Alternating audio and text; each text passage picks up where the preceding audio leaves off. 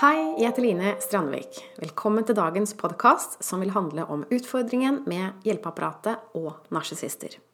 Jeg vil avslutte med å gi deg fire tips til hvordan du kan få god hjelp fra andre. For noen dager siden så fikk jeg en henvendelse fra en dame som skriver. Hei, jeg kom over kanalen din og syns det er veldig interessant. Jeg kan allerede mye om temaet og syns du har gode vinklinger. Kunne du tenke deg å snakke om utfordringene med hjelpeapparatet og narsissister? Siste gang jeg var utsatt for en narsissistisk sjef, hadde jeg dårlig magefølelse etter bare noen måneder og trakk meg ut.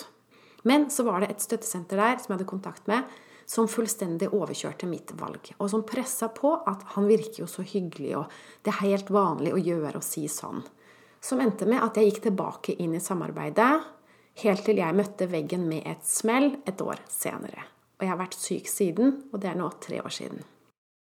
Jeg har selvfølgelig ingen kontakt med dette støttesenteret lenger, men jeg har møtt på dette så vanvittig mye i hjelpeapparatet. Mennesker som ikke respekterer magefølelsen min, så sant jeg ikke forteller at noen har sagt eller gjort noe helt forferdelig.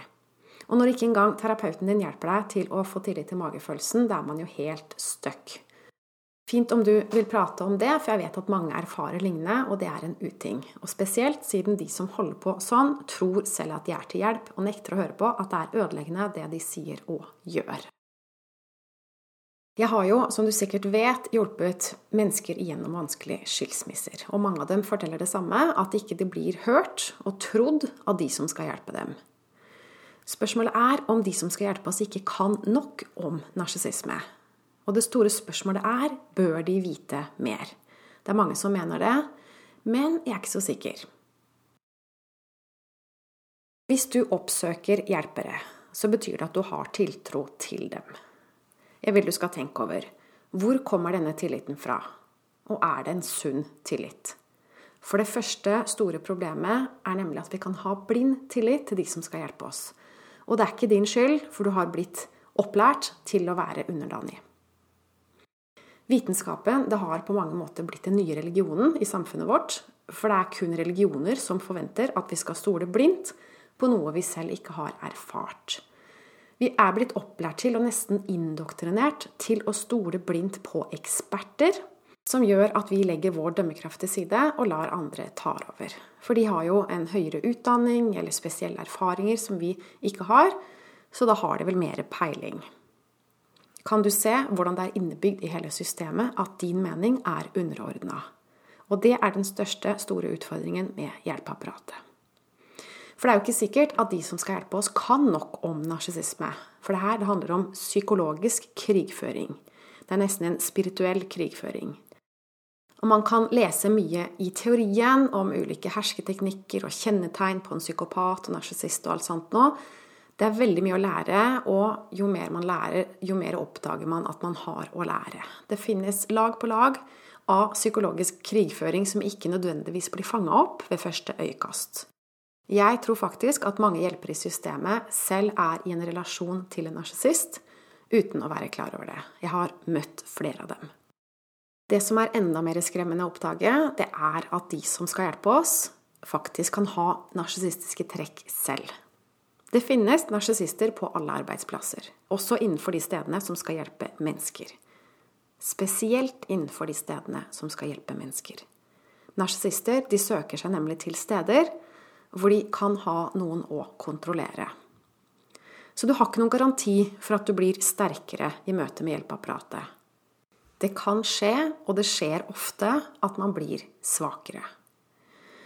Og hjernen vår kan ha store problemer med å akseptere det, fordi vi vil så gjerne tro på det vi har blitt fortalt, at systemene fungerer hensiktsmessig.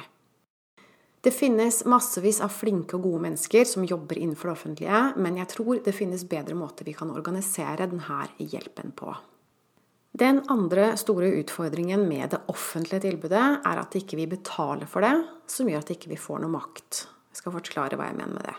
Vi betaler indirekte ved hjelp av skatter, men det er ikke som i private virksomheter, hvor de er avhengig av betalende kunder for å overleve. Organisasjoner og bedrifter som finansieres av det offentlige, de får nye kunder uten å gjøre noe for det. Private bedrifter de får kun nye kunder hvis de opprettholder høy kundetilfredshet.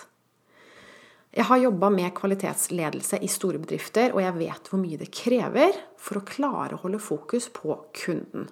Spesielt i store organisasjoner er det lett å bli opptatt av andre ting enn å tjene kunden på best mulig vis. Jeg har bl.a.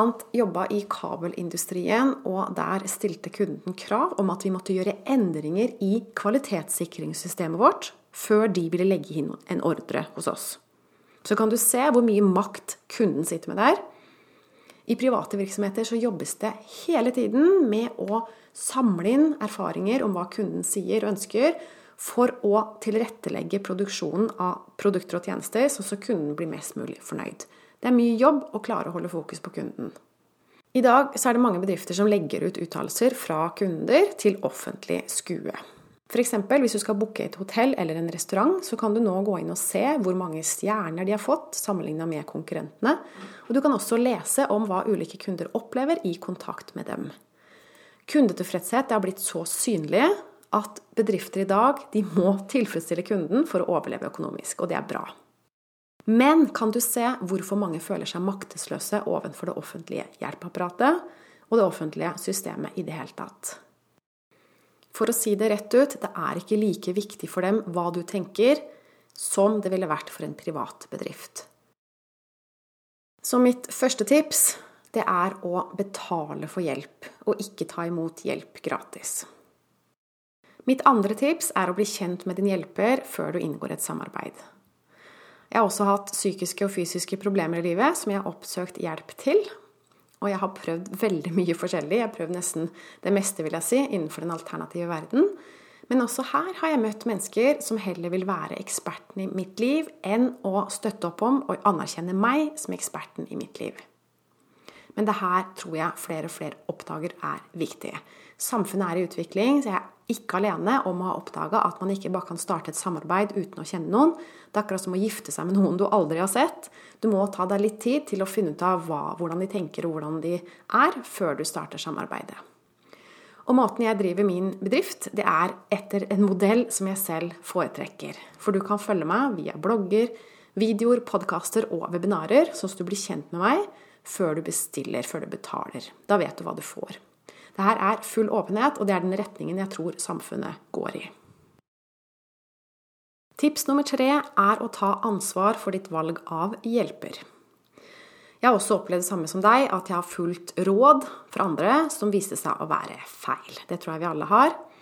Og det vi ofte glemmer, er å ta ansvar for vårt valg av hjelper.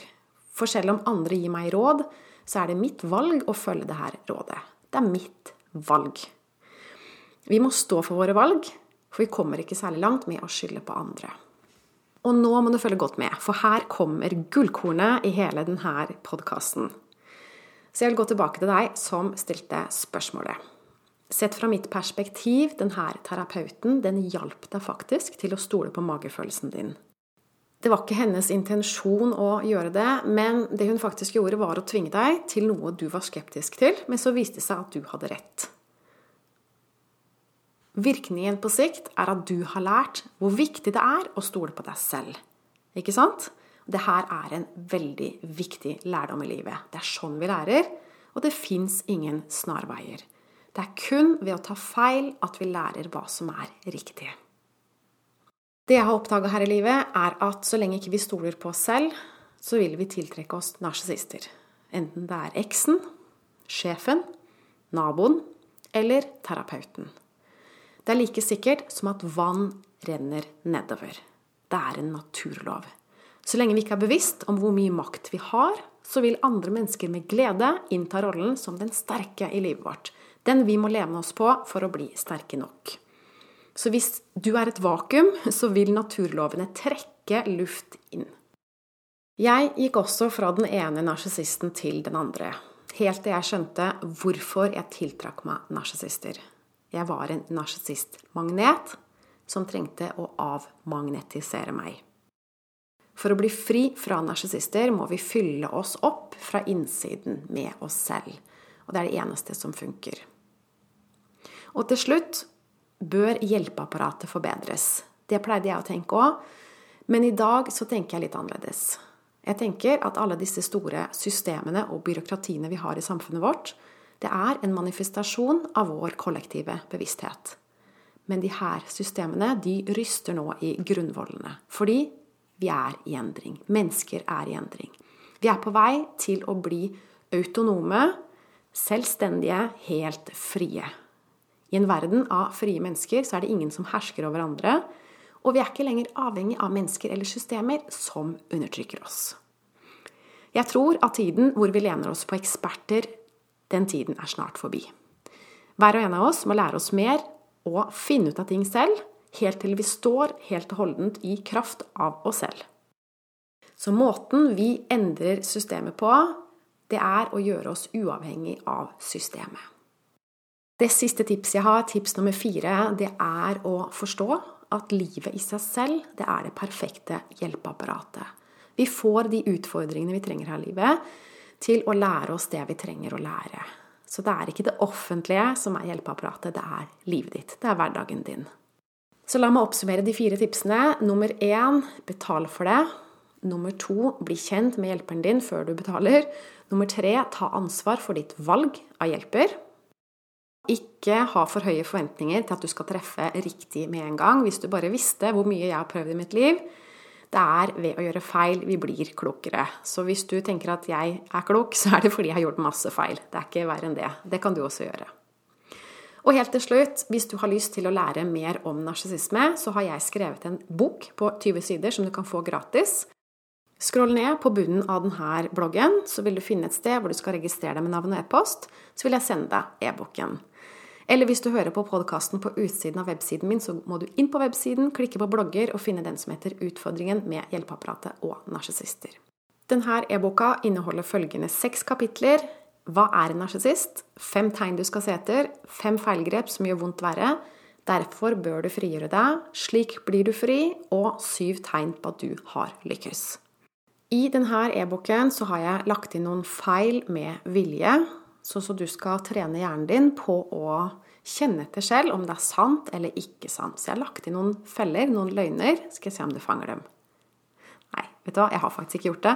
Men skjønner du poenget mitt? Vi må aldri lese noe og tro at det er Bibelen eller fasiten for den eneste fasiten som finnes, det er vår egen dømmekraft. Det er vår egen vurderingsevne, og vi må ikke legge den til side. Det er hele poenget i hele podkasten her. Ikke legg vår egen dømmekraft til side og tro blindt på det andre forteller oss. Vi må finne av det selv. Men jeg syns det er en god bok, så jeg syns du skal lese den. Og lær det du vil lære. Det er ikke sikkert du er enig i alt, men det gjør ikke noe. Jeg har aldri påstått at alt er riktig. Og heller ikke tro at noen andre skriver noe som er helt riktig. Uansett hvor mange bachelorgrader eller mastergrader eller doktorgrader de har. Det er ikke sikkert det er riktig alt som står der allikevel. Vurder selv om du får noe ut av det eller ikke. Jeg håper det her var nyttig for deg, og jeg føler at innholdet her er noe som veldig mange mennesker burde høre og bli minnet om, så del gjerne podkasten med andre, så, så vi flere og flere mennesker øver oss på det her og tenker selv, og ikke stole blindt på det andre sier. Det var det. Tusen takk for at du fulgte med. Jeg ønsker deg en fin dag videre. Ha det godt.